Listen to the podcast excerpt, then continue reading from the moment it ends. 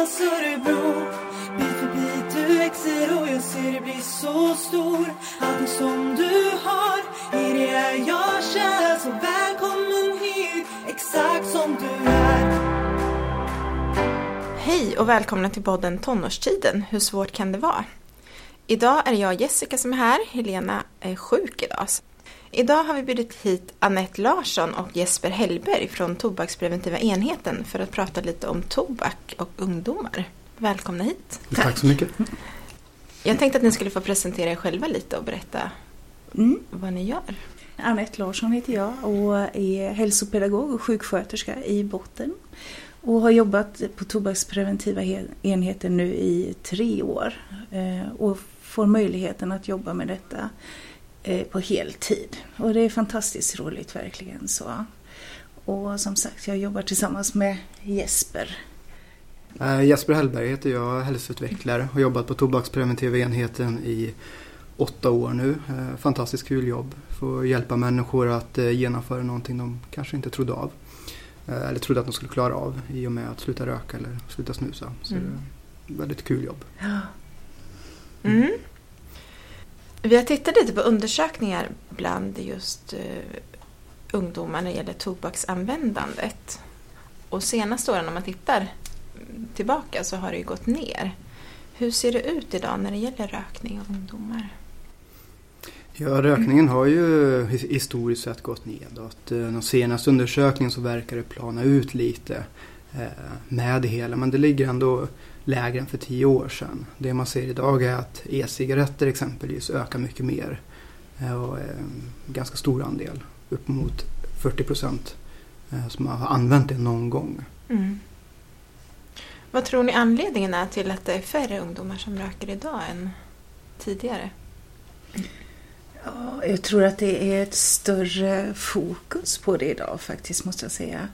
Eh, Det jobbas väldigt mycket och det pratas mycket om det. Det syns på ett helt annat sätt också. Man har mer kunskap idag. Det har varit ett långsiktigt arbete också som jag tror ger effekt där. Så.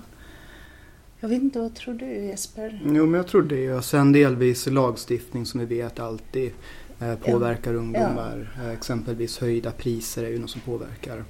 Sen tror jag också man är mer, en hälsotrend idag som i stor mån också påverkar. Mm. Eh, drar sin del till stacken. Ja. Eh, men det är många saker tror jag som eh, har dragit ner. Men man faktum är att man får inte slappna av för mycket. Nej, just det. Mm. Det är ett pågående arbete hela tiden. Så. Mm. Mm. Du nämnde e-cigg tidigare. Mm. Vad, vad är det för någonting? Om du ska förklara om man inte vet.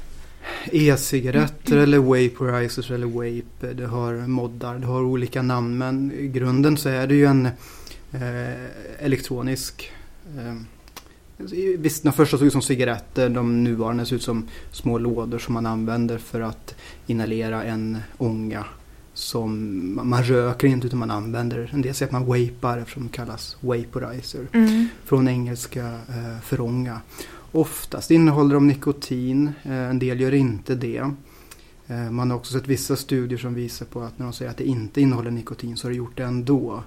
Eh, så det, är va- varierad tillverkning på dem och eh, kan vara ganska avancerade. Man kan mm, modda dem på olika sätt så det blir väldigt mycket ånga eller lite och, så vidare. Eh, så, det är ganska lång föreläsning för att förklara hur de funkar men lite kortfattat så. Men det som är det är just att det är ju ett eh, batteri i den här Mm. Som eh, när man drar igenom den här vaporizern så startar det här batteriet och värmer upp en eh, e-juice kallar Mm. man den. Mm. Och eh, den förångas så det är inte att det är någonting som förbränns helt enkelt utan mer att man drar i sig en ånga utav Mm. den här e-juicen. Och e-juicen kan innehålla eh, som sagt ofta nikotin där så. Men inte alltid så. Men Mm. andra ämnen som man vet faktiskt inte riktigt hur det påverkar kroppen idag. Det pågår forskning om e-cigarett men man är inte helt klar. Men man ser att det inte ja, att det finns skadlig inverkan kan man säga. Mm. Mm. Redan nu så. Det är en väldigt stor debatt kring e-cigaretter och som man säger, forskningen är ju absolut inte klar. Eh, E-cigaretterna har också utvecklats oerhört mycket så de som finns idag kan man inte riktigt jämföra med de första. Nej. För de, de, det är olika värme och man kan ändra dem på olika sätt. Mm. Eh, Men man saknar de här riktigt stora, långa studierna som man vill ha för att kunna säga bu eller bä fullt ut. Mm. Eh, Så, så i dagens läge borde man nog vara skeptisk till det hela. Det är lite Cigaretter på 50-talet var ju också ganska bra om man säger så. Det man ser, det man har sett är att det påverkar eh, slemhinnan i luftrör och bronker och så. Eh, och att det irriterar eh, både ögon och i halsen och så. Mm. Så att det, det har man väl sett, det, det, det är vad man ser. Det är inte något fastslaget evidens för det ännu. Så. Men Mm. man eh, misstänker naturligtvis att det inte är så hälsosamt Mm. som det kan låta. Eller Nej. ofarligt. Ma- det marknadsförs ju definitivt som hälsosamt och så Mm, vidare. mm. Ja. Eh, sen ja, för det har jag träffat några ungdomar som säger att "Ja, men det här är inte farligt för det är ingen nikotin i. Mm. Och of- ofta är det ju nikotin, det vanligaste är att det är nikotin i. Sen kan Ja. man få tag på någon som inte är det, det är ju säkert. Mm. Men då blir det också ett enklare steg att nästa gång, eller gången efter, kanske pröva någon med nikotin. För om man börjat öva upp eh, beteendet med inhalering och handen till munnen och hur det är att ja, prova liksom. Mm. Sen är det också en annan diskussion, är ju också, eller två andra diskussioner är ju att eh, är det bra för att sluta röka? Det är den ena. Den andra diskussionen är leder det här ungdomar in till cigarettrökning? Mm. Och vi, I dagens läge vi avråder från att använda det som avvänjningshjälp. Mm. För vi ser att eh, man har en tendens att eh, hålla kvar beteendet. Eh, använda dem inomhus om man inte har rökt inomhus exempelvis. Men där håller inte alla med oss men vi ser det hos oss i alla fall. Mm. Många gånger så är det också att man börjar med det för att man ska sluta med cigaretter eventuellt. Och det är ett trix med det hela tiden. Det är mycket man behöver jobba med. Eh, en e-cigarett, att man ska ställa in och få rätt eh, effekt av Mm. den och så. Och till slut så är det många som känner att det blir eh, för jobbigt att hålla på. Så går man tillbaka till cigaretter och helt plötsligt så har man både e-cigaretter och cigaretter. Mm. Så att det finns mycket att tänka på runt omkring där. Mm. Någon studie har ju visat på att de som använt e-cigaretter har gjort fler försök att sluta än de som röker vanliga cigaretter. Men de har inte klarat av det i samma utsträckning som de som röker cigaretter. Mm. Så det är sämre lyckandegrad i en studie i alla fall Mm. som jag har läst. Ehm, Men sen ser man det andra, det här att eh, kan det vara så att säga en inkörsport. Mm. Även om jag tycker ordet är lite, ja, det har lite stigma kring sig. Men, Mm. men vad man ser i flera studier är att eh, man börjar använda där och de som använder e-cigaretter i större utsträckning också riskerar att använda cigaretter. För det, och det är ganska logiskt, man lär sig beteendet, man lär sig få lite nikotin. Det är oftast smak, jordgubbe, cola, eh, Mm. allt möjligt. Eh, Och då är det lite enklare att också testa cigaretter för då har man ju Mm. börjat prova. Eh, Så jag ser att som ganska rimligt att det kan öka risken att man också börjar använda cigaretter. Mm. Det, Jag läste en artikel, jag vet inte om det var i, jag tror det var nu i veckan, om just e-cigaretter och att de har förbjudit, tror jag, eh, just de här smakerna som du säger, jordgubb eller godissmak eller Mm, sådana, just för mm. att det är så många ungdomar som börjar röka. Ja, och att det- pågår en diskussion kring det, men Ja. att man inte har kommit Mm. dit här i Sverige. Man håller på mycket så med smaker överlag. Mm. Just för man ser att som mentolcigaretter det ju tilltalar ungdomar för det gör det enklare att röka. Ja. Exempelvis. Och samma sak. Du, men det säger sig självt att den smakar Coca-Cola och nikotin. Det är ju, Mm.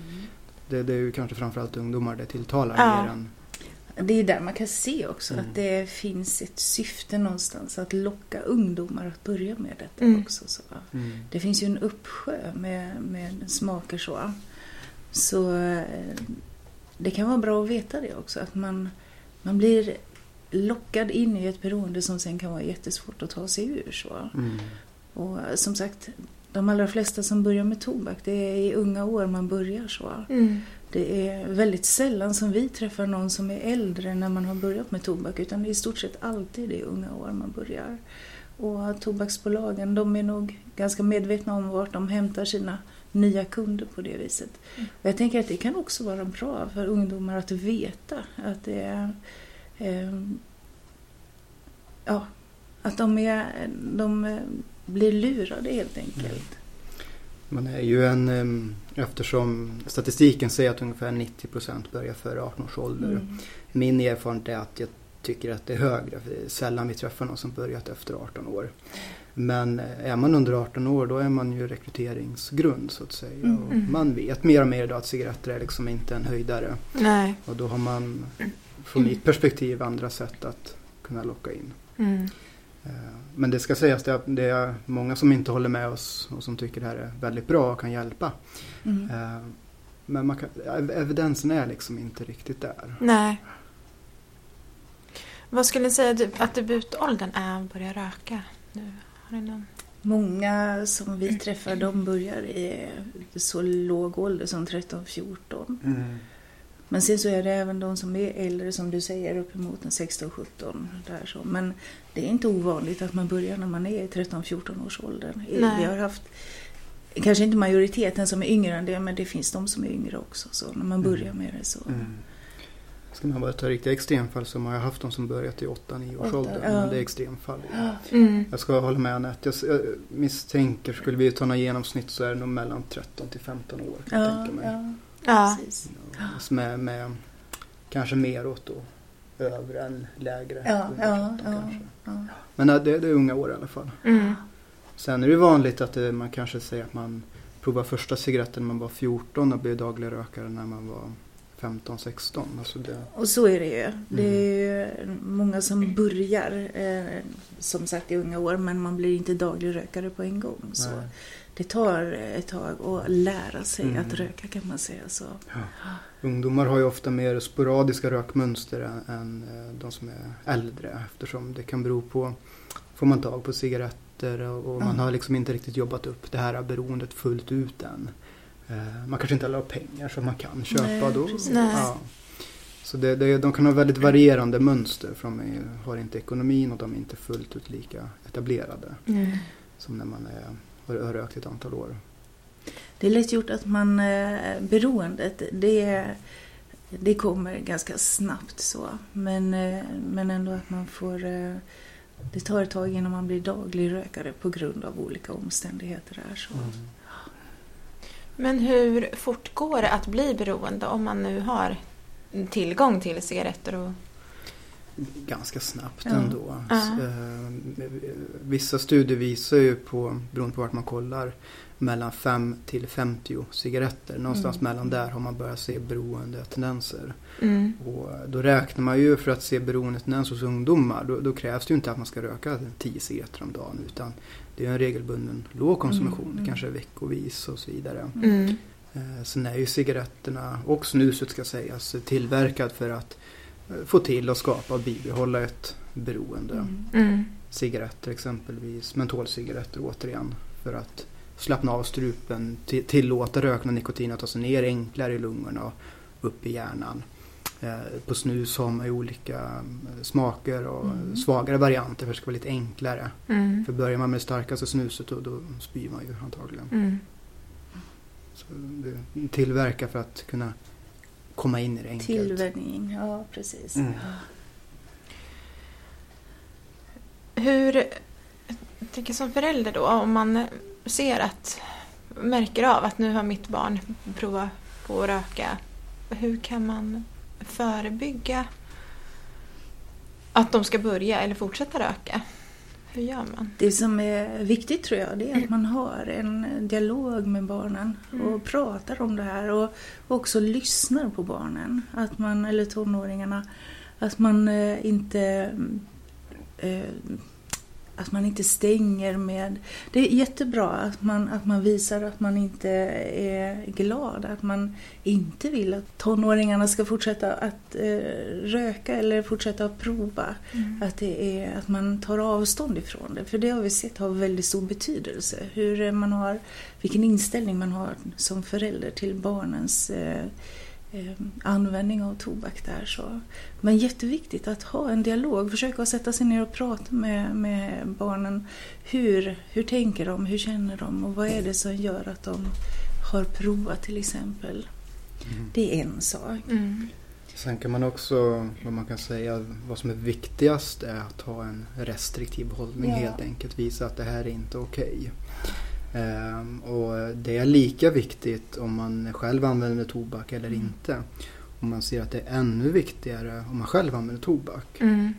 Och det vet jag för vi har pratat med många föräldrar och, Mm. och då säger ju en del att men jag kan inte säga någonting för jag röker själv. Nej. Men det stämmer inte. Nej. För du kan verkligen säga någonting. För då vet man verkligen vad det handlar om. Ja. För vad barnen säger till de som inte röker är ju att ja, men du vet inte vad det handlar om. Nej. Så det, ja, det är liksom hur man än gör. Men om man är tillåtande som rökande förälder exempelvis och inte säger någonting. Då ser man att då är det fler ungdomar som använder cigaretter. Mm. Så då är det verkligen viktigt att visa nej men det här är inte okej, jag skulle inte ha gjort dem. Om jag visste bättre när jag var yngre exempelvis. Nej, precis. Och vi ser ju också de, eh, de ungdomar som kommer till oss där, där föräldrarna har varit med och är väldigt eh, tagit ställning till att de verkligen inte vill eller har sagt ifrån. Och de, det är de ungdomarna som kommer också som vill sluta på grund av att föräldrarna inte samtycker till det här Mm. utan de vill verkligen eh, på grund av att man har sagt ifrån att det inte är okej att man använder tobak så. Mm. Sen vet jag, får man ju många som har en, kanske ringer till oss som föräldrar och är frustrerade Mm. över att barnen röker oavsett vad man säger och så. Men samtidigt är om man, om man slutar sig ifrån då har man lite gett upp. Och Ja. även fast barnen och ungdomarna liksom säger åt en och inte tjata på en och så. Så tjatet visar ju att man bryr sig. Ja. Om man slutar tjata då tycker de att man kanske slutar bry sig. Ja. Eh, Jag har haft, varit med i några grupper för ungdomar och där kom det väldigt högt upp på föräldrars vilja Mm. när det pratar om motivation. Det ser man i studier också för den delen. Så även fast det inte syns så är det viktigt att man är, är restriktiv och som Anette sa, en fin och bra dialog. Är Ja. tydlig. Ja. Och det är jättebra att du säger det, för det är precis det jag också hör från föräldrar. Att Ja. de inte lyssnar. Och Ja, just det. Precis. Mm. Mm. Jo men det, det hör vi ju. Får lite samtal ibland eller Ja. kanske pratar med en förälder som väntar i korridoren när eh, ungdomen är hos ja, en av Ja, oss. ja. frustration och så men eh, det gäller att inte ge upp så att säga och visa att man bryr sig. Mm. Och det, det kanske är så att de kanske inte slutar där och då, de kanske fortsätter men då vet de ändå ah, att mamma tycker inte om det här och om jag vill sluta någon gång då kan jag gå till henne och få hjälp och stöttning Ja, just det. Och det är väl också jätteviktigt att de känner att de har stöd från föräldrarna. Att Mm. man, vill att, eh, man vill hjälpa till. Hur kan jag hjälpa dig för att, stötta i ett stopp där? Så, och vad kan vi göra tillsammans? Så att man inte stänger ute eh, ungdomarna om man har börjat och så och bara är arg utan försöker ha det konstruktivt. Hur man kan lösa situationen tillsammans. Där, Mm. så. Ja. Det, det, man kan ju börja, jag tänker just om man är i ett tobaksbruk och vill sluta. Så det viktiga är ju att man, kan, att man sätter ett datum. Att man börjar fundera på eh, det vi ser. Det är viktigt att man har möjlighet att förbereda sig för det här stoppet. Att man inte bara slänger tobaken och så tror man att man ska klara av att vara utan tobaken dagen efter så. Utan förbereda sig ordentligt. Och med föräldrarna då, man kan sätta sig, föräldrarna kan sätta sig med ungdomarna och Mm. se hur skulle vi kunna lägga upp den här tillsammans. Att, de, att det finns en stöttning hemifrån. Men som sagt att sätta ett datum. När ska man ta bort tobaken? Fram till dess att man börjar att stärka eh, lite grann sin motivation. Vad är det som gör att man, vad för vinster skulle man kunna göra genom att vara tobaksfri? Och, och vad kan föräldrarna kanske göra där? Man kanske kan eh, skriva ett kontrakt med varandra eller i alla fall komma överens om att föräldrarna kanske, till exempel, jag vet inte, en belöning kanske om eh, man tar sig igenom det här och så eller om man kan hålla sig tobaksfri. Så. Mm. Det kan ju vara så enkelt som att om är du rökfri en vecka så går vi på bio Ja, tillsammans. precis, de här belöningarna. Ja, och att vara. föräldrarna är med där och stöttar och peppar hela tiden. Så. Mm. Eh, sen också att man får träna på strategier om man får abstinens. Vad skulle man kunna göra istället? Och vad kan föräldrarna göra i det läget? Det Mm. finns också väldigt mycket. Vi har god erfarenhet där vi ser föräldrar som eh, har, när man ser att barnen har abstinens, när det är tufft, att man faktiskt gör någonting tillsammans. Kanske inte går så djupt in i hur går det med rökning och så, utan tvärtom hittar på någonting annat som eh, underlättar för barnen att eh, känna att de inte behöver tänka på, Mm. på abstinensen. så. Bryter av tanken så att Distrahera. Ja. Ja, Mm. precis. Och sen som sagt när man eh, kommer till den här stoppdagen att man inte har någon tobak kvar hemma utan att man slänger alltihopa så. Mm.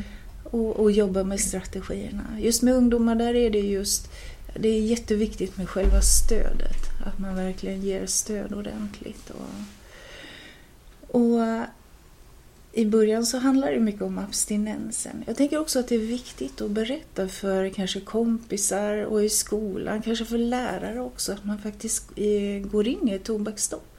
Och för de första dagarna så kanske man inte är så pigg. Man kan bli trött och hängig, man kan bli jätteirriterad. Man kan till och med bli ledsen och inte riktigt förstå vad det är som händer. Och eh, det är viktigt att förstå att det där går över, att det hör till abstinensen. Så mm. Det är inte någonting som kommer att fortsätta.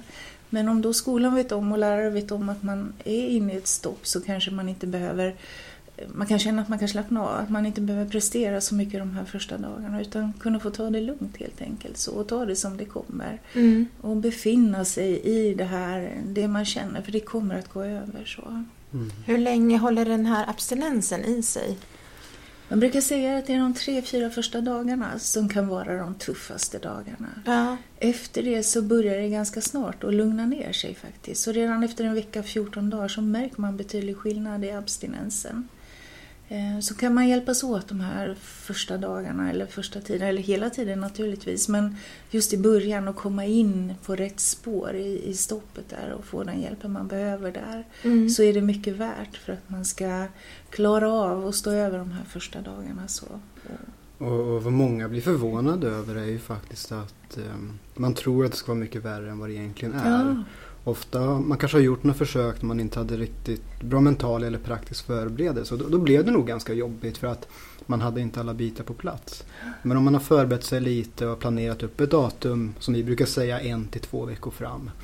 Eh, förberett sig lite, då brukar det ofta gå enklare. Plus att man vet att det är en tillfällig tid som det faktiskt kan vara jobbigt men behöver inte vara och att det går över. Ja.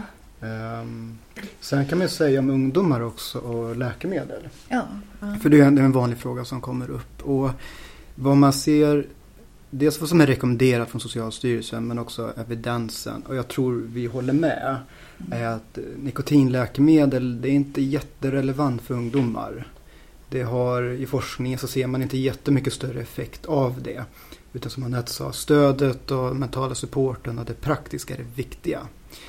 Eh, vår erfarenhet är väl att om vi har förskrivit det via läkare, vilket har skett, så kanske man inte använder det så mycket. Det, det blir inte som hos en äldre person som använder det, behöver använda det mycket mer. Nej. Men många tror kanske att de måste ha någonting och det stämmer inte alltid.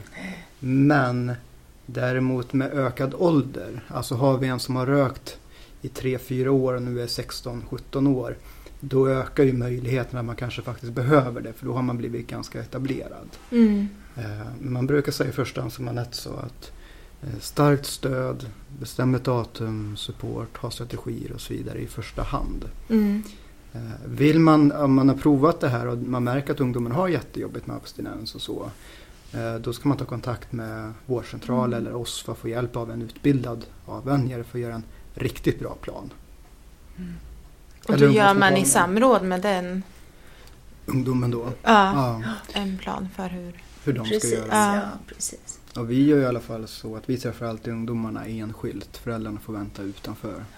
För det ju... och, och, och, det ska sägas också till oss är alla välkomna. Man behöver inte ha någon remiss för att komma till oss även om man är ung. Så det, det, man kan bara höra av sig till mm. oss och, och, säga att man vill ha hjälp och stöttning så hjälps vi åt. Så. Mm. Mm. Och även föräldrar som funderar på det här med tobak och så. Ja. så det är bara och man får gärna lov att kontakta oss om man har funderingar hur man kan eh, ja, hur man kan hjälpa sina ungdomar att sluta eller att inte börja för den delen också vilket är jättebra. Om man kan i tid eh, kanske ha en dialog om detta också så, även ja. om man inte har provat. Mm. Så en annan sak som också är ganska viktig som förälder om man nu har en ungdom som använder tobak och de ska sluta är att ha med sig någonting som vi tobaksvänjer har med oss. Nämligen att det, det är jäkligt svårt. Det mm. betyder inte säkert att de faktiskt klarar av det. Nej. Och det ska man ha i åtanke för är det så att de inte klarar av stoppet, de börjar igen och tar ett på Precis. återfall. Mm. Att man då visar att ja, men det var jäkligt tråkigt men jag är stolt över dig för att du försökte och att du kämpade. Och sen försöka ta vara men vad var det som funkade bra här? Mm. Vad var det som inte var bra? Okej, du umgicks med din kompis där som rökte, det var, det, det var för svårt. Mm. För det gäller att se det som erfarenhet och att lära sig lite. Mm. Men tänker man, nej men vilket misslyckande, det var katastrofalt, det var, ja, då blir ungdomen ledsen och nedstämd. Vilket de kanske redan är, för att de Mm. inte klarar av det. Så det är jätteviktigt att vara stödjande, visa att man är stolt över att de har försökt och Mm, mm. se hur vi kan lära oss ifrån det. Mm. Och försöka bita sig lite i tungan där kanske, för man vill ju så väldigt gärna att de ska sluta såklart. Mm. Men då gäller det att verkligen visa den här stödjande sidan. Mm. Så är det ju också om vi ser vad det gäller tobak att det är många gånger att man får försöka flera gånger innan man klarar av att göra ett helt stopp. Så. Det är inte ovanligt på något vis så att man kanske tar återfall och så. Men det som gäller det är att det inte får bli ett hinder för att försöka igen utan ta med sig de erfarenheterna och, och göra nytt. Så. Jag säger ju ofta välkommen tillbaka och det är inte alltid man är glad när man hör det för man vill inte vara välkommen tillbaka, Nej, man vill Nej. vara klar. Ja. Men det ingår ofta. Ja, ja, så är det. Mm. Och det kanske kan vara bra att vara förberedd på det också. Att Ja, Precis. det kan bli ett återfall. Men ja. Vi ska jobba för det bästa men det är en, det är en stor risk Ja. det är, lite, det är en del av det hela. Så Mm. tänker vi när vi Ja, träffar precis. våra patienter. Och att man ska få känna att det där eh, man tog återfall. Det var ingenting man hade planerat men det blev. Man tog ett återfall. Eh, att man inte ska känna skam eller skuld över det. För att nikotin är oerhört beroendeframkallande och det är inte alltid så enkelt att ta sig ur det. nej. Man behöver kanske ha flera eh, gånger på sig innan man klarar av det helt och hållet. Mm. Det man ser då om man kan sluta som ungdom så, så är det att man har så mycket väldigt stora vinster att göra vad det gäller eh, livet i övrigt sedan. Att man eh, har större vinster att hämta ju tidigare man kan sluta med tobaken. Det är alltid en vinst att sluta även om man har rökt i hela sitt liv till exempel eller snusat hela sitt liv. Eh, för kroppen har en fantastisk förmåga att läka. Men ju tidigare i åldern man kan sluta desto bättre och, och större vinster kan man göra. så. Många tror ju att det, det är kört liksom. Man har rökt ett par år, nu har jag ju förstört kroppen, nu är det ingen idé att sluta. Ja. Mm. Men det, det stämmer inte utan Nej. kroppen är fantastiskt, fantastiskt bra på att eh, återhämta sig själv. Ja. Och, eh, ja, bli en normal kropp om man säger så. Mm. Sett ur risker och sånt här. Om man kan titta lite grann på abstinens så är det också det här, en abstinensen vad det handlar om egentligen, det är ju att kroppen håller på att ställa in sig i rätt balans. Så att, och man kan se det som att abstinensen eh, kan vara skrämmande för många. Det är många som eh, drar sig för att göra ett stopp på grund av att man är rädd för abstinensen.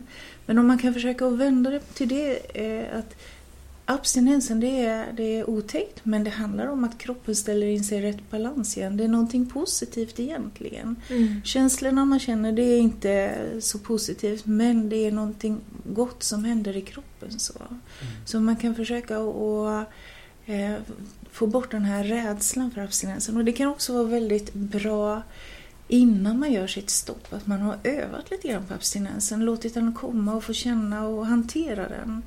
Man kan hantera abstinensen med att dricka vatten. Man kan distrahera sig, göra någonting annat till exempel, någonting man tycker om. Eh, man kan också djupandas, för abstinensen det är ju spänning i kroppen.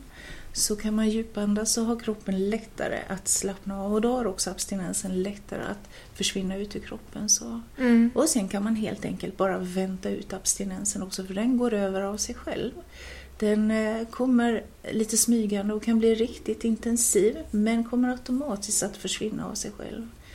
Man har faktiskt mätt upp tiden och, som den håller i sig och det är alltifrån en halv minut upp till två minuter.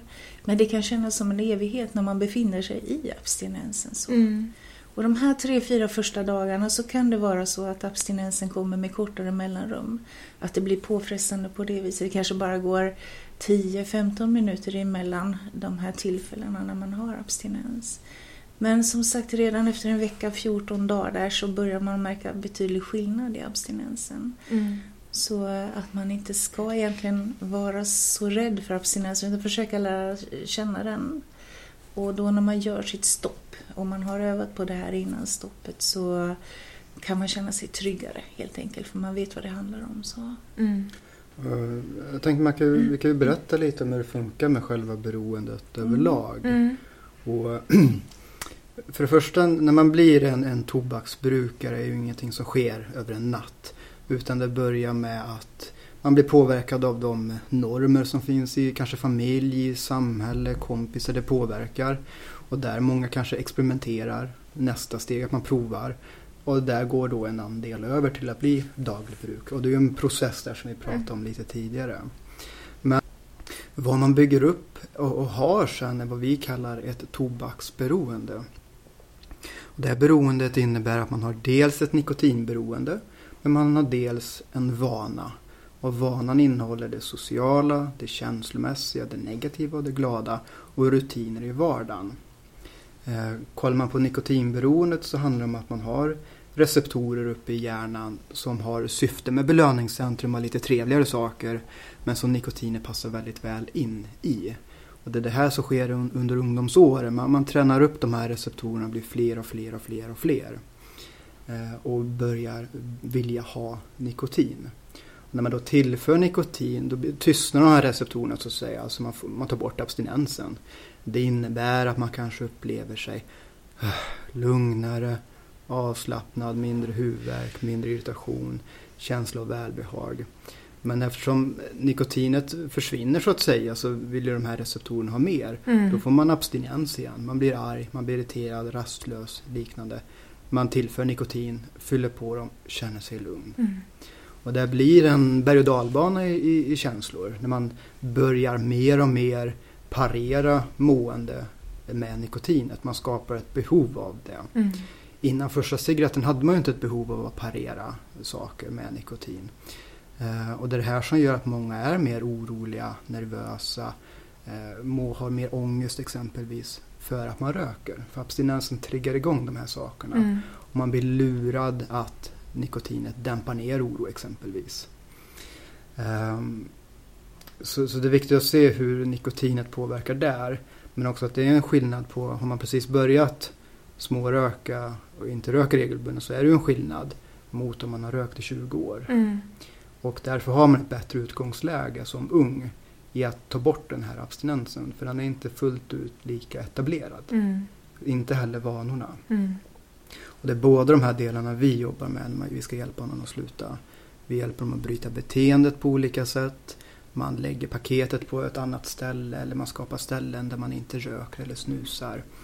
Och, och ser till, som Anette har sagt här, att ge verktyg för att trycka ner röksug och abstinens och göra det hanterbart. Ehm, så det är viktigt att se, tänker jag, hur själva beroendet fungerar. För det, det är vad man säger, det är ett beroende. Mm. Det, det är inget... Det är bra att förstå det också, Mm. att man faktiskt hur rent fysiskt det fungerar med Ja. nikotinet. För det är mycket lättare för, eh, för alla när man kan se vad det är som sker faktiskt. Mm. Att det kan ta bort det här skrämmande runt omkring abstinensen också så att Mm. man förstår vad som händer. Mm. Ja. Det här har också skapat väldigt mycket myter. Exempelvis en stor myt är ju att man mår bättre psykiskt av att röka. Ja. Jättestor myt, stämmer inte. Nej. Utan det är cigaretten ökar, eller nikotinet rätt sagt, ökar och förstärker oro, ångest, Mm. eh, depression. De som röker har mer högre grader av de här sakerna. Och vi ser jättetydligt att de som slutar och gör det på ett bra sätt mår mycket bättre psykiskt. Mm. Ehm, där finns en jättestor missuppfattning. Mm. Och den missuppfattningen är ju i att man, man dämpar ner abstinens och då upplever man sig att man för tillfället mår bättre. Mm. Men då har det blivit abstinens plus oro exempelvis blir 1 plus 1 blir 4. Ja. Det har triggat igång. Mm. Och så tar man bort abstinens och upplever sig må bättre. Där ligger så att säga det man blir lurad av. Ja. De flesta av våra som slutar återigen på ett bra sätt är ju lugnare, mår Ja. bättre psykiskt, Sover bättre. mindre ångest. Och När du säger saker. på ett bra sätt, vad menar du då? Ja, eh, ett dåligt sätt om man ska uttrycka sig så, eller ett svårare sätt eller ett bättre Mm. uttryck. Är att kanske ut, helt utan förberedelse, men nu slänger jag paketet eh, nu. Och så har man kanske inte någon strategi på plats för att motverka abstinens. Man kanske inte riktigt har planerat de här första dagarna. Man har inget tuggummi att tugga på, alltså vanligt tuggummi.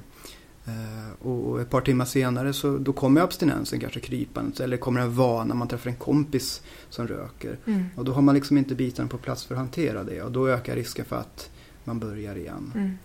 Eh, Men om man ger sig själv lite förberedelse, en vecka eller två, planerar mot ett specifikt datum. eh, Då, då har man ju större möjlighet att ha förberedelserna på plats. Mm. Man har gett sig själv lite andrum de första dagarna. Man har planerat en, en bio på kvällen för då är man eh, fokuserad på det och, och håller sig borta från rökande kompisar kanske och umgås med kompisar som inte röker. Ja. Man har lagt fram en strategi Mm. och, och då blir svårigheterna som finns i ett stopp enklare att hantera. Mm. Eh, Man ser att de flesta gör de här försöken, man slänger dosan eller slänger paketet. Och det är absolut de som slutar på det sättet Mm. men det är definitivt det svåraste och det har definitivt minst möjlighet att lyckas. Så har man gjort det försöket och lite klandrar sig själv så är det faktiskt inte så konstigt att det inte gick bra. Mm. Det ser ju vi varje dag. Ja. Men att man inte ska bli rädd för att försöka igen. Då, utan försöka göra det på ett annat sätt. Ta med sig erfarenheterna man har där då. Och Ja. kanske, vi ser ju som sagt att förberedelsen är så jätteviktig för att man eh, ska klara av det så helt enkelt.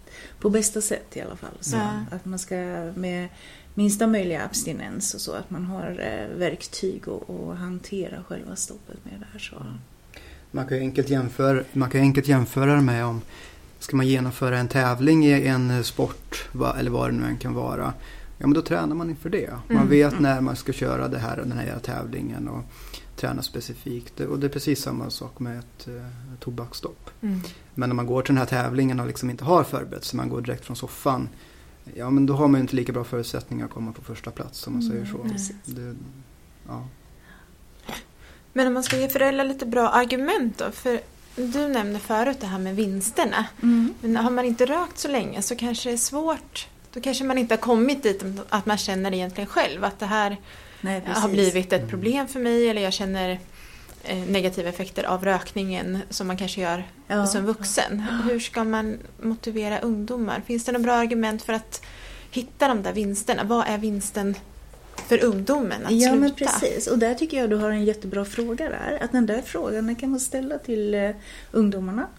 Eh, sätta sig ner och prata. Vad skulle du vinna på att eh, inte röka till exempel? Om det är cigaretter det handlar om. Ja. Och, och lyssna på vad, vad de säger. För jag tänker många ungdomar som vill sluta, det handlar oftast om ekonomin, att de inte har pengarna. Då kan man kanske hjälpa eh, ungdomarna och fundera på vad skulle du kunna använda pengarna till istället. Mm. Att man faktiskt låter dem fundera på det. Vad är det? Vad skulle jag kunna göra för de här pengarna? Kanske göra någonting annat. Det finns mycket annat man skulle vilja använda dem till kanske så. Och eh, sen är det också många som säger att de vill lukta gott. Att, det, att de inte vill gå omkring och lukta rök till exempel. Mm. Eh, Vara fräsch. Men också det här att slippa själva jobbet med att skaffa cigaretter eller snus. Eh, För att det vad jag förstår så är det många ungdomar som faktiskt lägger ner en hel del arbete på att eh, få tag i, i tobak. Så. Mm. Eh, Men försöka prata med, med, med ungdomarna. Vad skulle de kunna vinna på att sluta? Och om de hittar eh, anledningar att försöka och hjälpa dem att gå in i det där verkligen och tänka efter vad det skulle innebära. Andra saker kan ju också vara det exempelvis att de, de kanske inte vet att man blir mer orolig av att röka exempelvis. Att man är inne i det här, man tror att man behöver det för att vara lugn. Och då är det ju det en, en myt och en osanning som de behöver kanske förstå att det inte riktigt stämmer.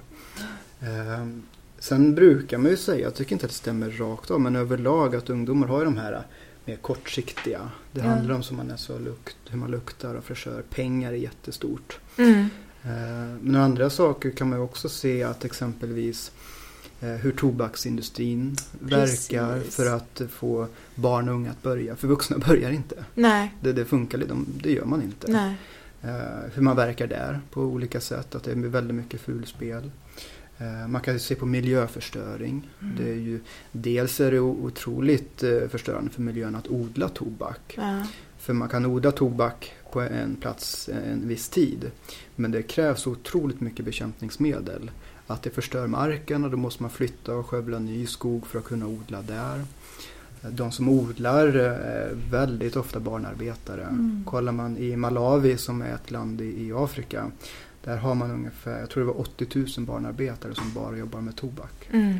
De går och får i sig nikotinet dagarna i ända Ja. också, blir nikotinförgiftade. Och, och jag tänker att det kan vara den här rättvisa aspekten, precis som du säger Mm. Jesper, det kan också vara en, eh, en aspekt på det hela som man kan ta upp med barnen och, och att det kan, eller med ungdomarna och att det kan eh, kanske också hjälpa till att stärka att man inte vill stödja det här, den här industrin på det Mm. viset. Så. Mm. Jag var på en konferens här i mars i, i Sydafrika om just tobak. Och där fick man höra forskare som kom direkt från sina forskningsstudier ute på tobaksfälten eh, i Afrika. Eh, och de berättade då om dels om hur barnarbetet faktiskt ser ut där. Mm. De har inga skyddskläder för att tar man i tobaksblad så förs nikotin över via huden. Speciellt om man tar på flera hundra per dag så att säga. Och då får man eh, den gröna sjukan eller green tobacco sickness. Alltså man blir illamående, yrslig och huvudvärk vilket är nikotinförgiftning. Mm. Då pratar vi riktigt små barn. Mm. Man ser också hur de luras in i väldigt ofördelaktiga lån som man får ta från tobaksindustrin men har väldigt svårt att betala tillbaka. Mm. Och då blir betalningen att de måste leverera tobak till just det företaget. Så det, det finns väldigt mycket där och det, det är ju ganska många som faktiskt inte vet om det. Eh, Non-Smoking Generation gör en jättebra föreläsning om just det här eh, Ja. som heter Tobaksbarn. Eh, och det, där finns mycket att läsa på deras hemsida också. Eh, ja, men det är exempel på ett argument som man kanske inte tänker på i vardagen som många ungdomar kan ta åt sig.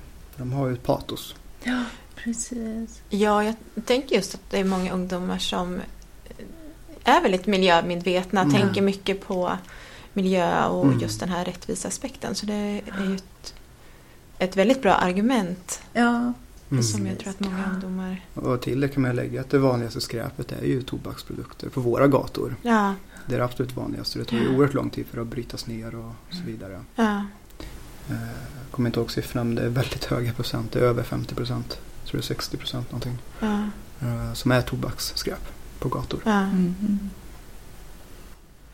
Ja men jättebra tips och argument. Ni har pratat lite om... Ni har sagt att man kan bland annat kontakta er om man som förälder har frågor och så. Har ni, finns det några andra bra ställen där man kan hitta information? Ja absolut. Eh, ungdomsmottagningen. Mm. Eh, det så man går till ungdomsmottagningen. Men också umo.se, alltså hemsidan. Mm. Som är jättebra fakta om hur det funkar och hur man kan sluta. Och, eh, tydligt och bra och bra anpassat så att säga. Eh, Sluta röka-linjen finns. Mm. 020 84 00 00. Eh, som är en nationell linje just för att sluta röka men också att man kan ringa som förälder och fråga. Och då får man prata med en som är Janette, alltså en professionell tobaksvänjare. Mm. Eh, Det behöver inte vara så att deras ungdom måste ringa dit utan man kan ringa och få råd och tips som förälder. Ehm, Ja, vårdcentraler såklart också ju. Ja. Här i eh, Region Örebro har de flesta en tobaksvänjare. Har Mm. de inte det så kanske man hänvisar till oss Mm. eller närliggande. Ja. Ja, jag tänker på någon Smoking Generation som eh, Ja. eh, förälder om man är intresserad och, vill sätta sig in i det här så är det också en jättebra sida att titta på. Så. Mm. Ja. Nonsmoking.se. Ja, och sen Mm. eh, tobaksstopp.nu är också en sida man kan det finns mycket information att hämta. Så, Ja. så.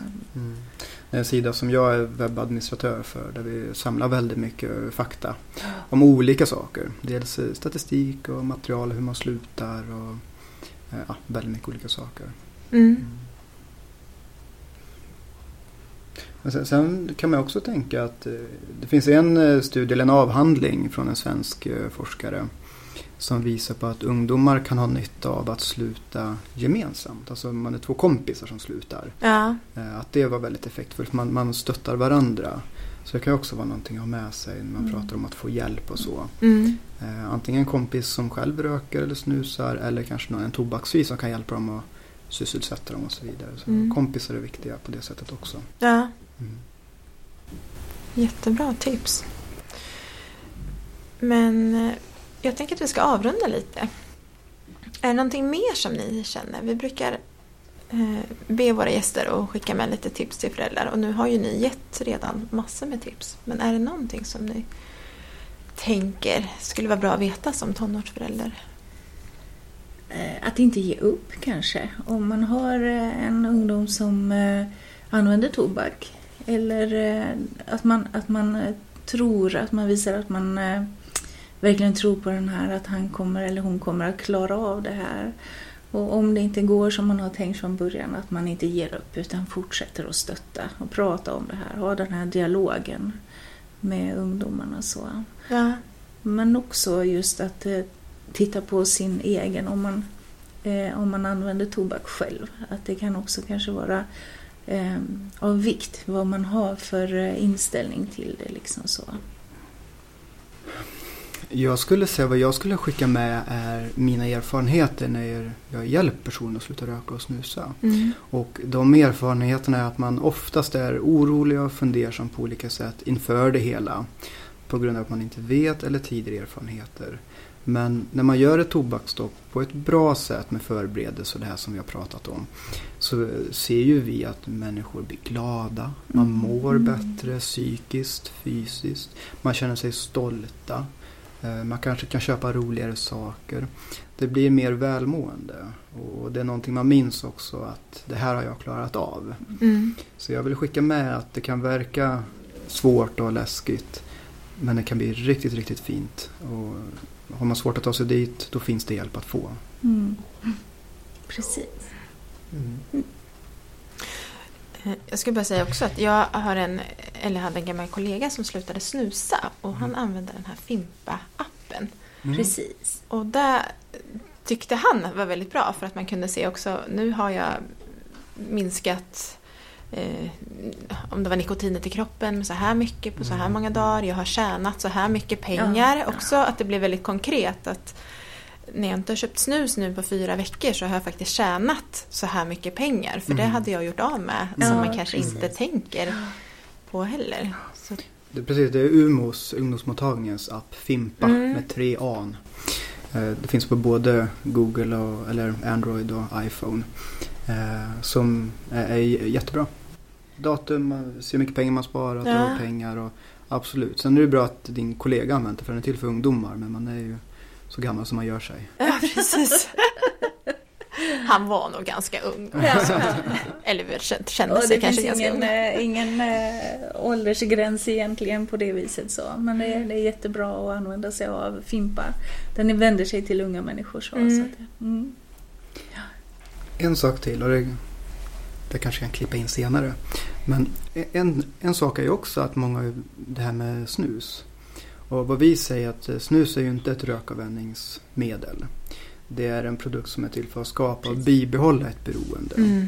Eh, vad vi ser är att om man går över till snus exempelvis, att antingen att det blir blandbruk, man använder båda två.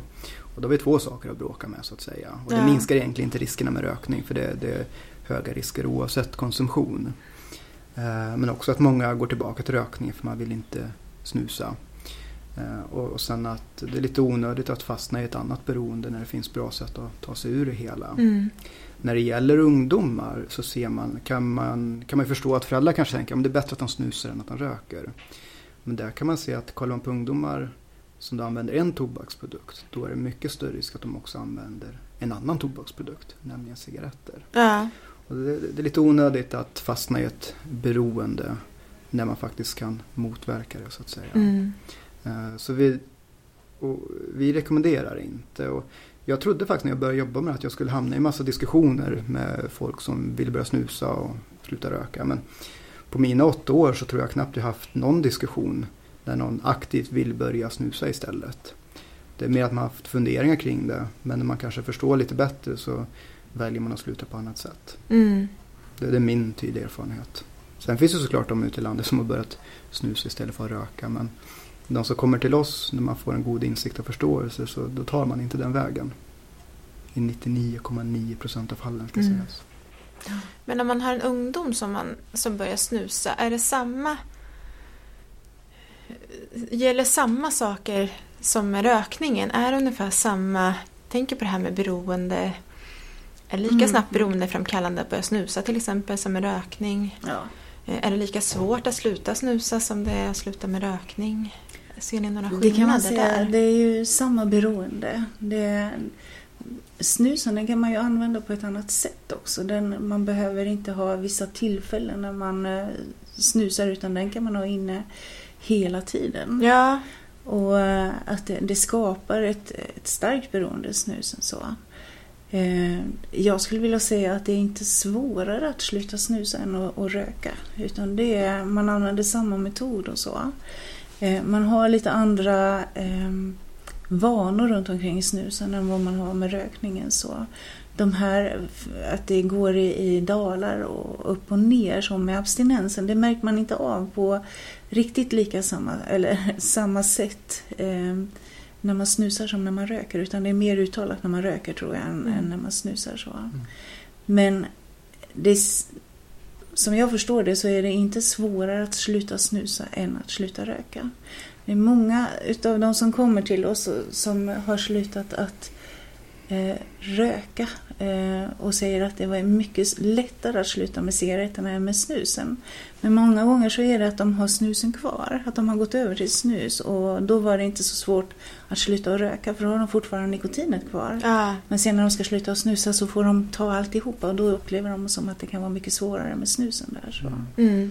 Sen kan man också tänka sig att det är enklare och, och snabbare att bygga upp ett, ett snusanvändande som blir mer frekvent. För jag Mm. tror inte att det är många ungdomar i Örebro län som har tänt en cigarett in i ett klassrum. Jag kan nog Precis. tänka mig att det är många som går in med en prilla. ja, Och det säger sig självt att det är lite enklare att bygga upp eh, en- vana kring det. Ja. Eftersom att ja, men det är mer diskret och så vidare. mm. Eh, Så det kan vara mer lurigt där. Men som sagt, många av dem, det blir också enklare att använda cigaretter för då har man byggt upp ett nikotinberoende, Mm. en tolerans med en produkt som man kanske då tänker att ah, men det här är inte så farligt. Då är det också enklare att röka för då spyr man inte när man röker första cigaretten för då har man jobbat upp toleransen redan. Mm. Och där är vi inne på att då finns risken att man använder cigaretter också. Mm. Mm. Och det, det är lite logiskt när man tänker på det hela egentligen. ja precis. Mm. Men det man kan säga om snus det är ju att det, är, det ger skador. Det är liksom inte någon hälsoprodukt heller, eller om man ska säga så. Så att det, eh, även när man gör ett snusstopp så händer det ju mycket bra i kroppen. Så. Även om snusen inte påverkar lungorna på det viset som rökningen gör så, så händer det ju mycket annat i kroppen. Eh, och när man gör ett stopp så abstinensen finns där precis som vid rökning. Mm. Eh, Men också att det sker mycket bra i kroppen när man tar bort nikotinet. Och de här skadliga ämnena, man pratar ju om att i en cigarett så är det 8000 skadliga ämnen i, i en cigarett. Medan i snusen så ser man att de ligger någonstans 3000 eh, skadliga ämnen i, i snus. Så att det är inte någon hälsoprodukt på något vis. Så. Nej. Så det är svårt att jämföra cigaretter och snus också. Eller att det skulle vara ett mer hälsosamt alternativ. Det är, man kan inte jämföra det på det viset. Så. Nej. Det är mer hälsosamt att skjuta sig själv i, i foten så att säga än att röka hela livet. Ja. Om man ska vara verkligen hårdra det hela. Men Ja. det, det är svårt att jämföra saker med cigaretter för Ja. då verkar det mesta harmlöst. Mm. ja, ja, Men precis. eh, när det gäller snus då är motivationen för de flesta att man är trött på det, man det är ofräscht kanske man känner, man borstar tänderna fyra gånger per dag. Det blir, det blir fläckar på fingrar om man har lös snus. Eh, Det är dyrt, onödigt. Alltså det är de termerna. Tandhälsan är det många som har. Ja. Man får gulnande tänder, tandköttet börjar dra sig uppåt och sådana saker. Mm.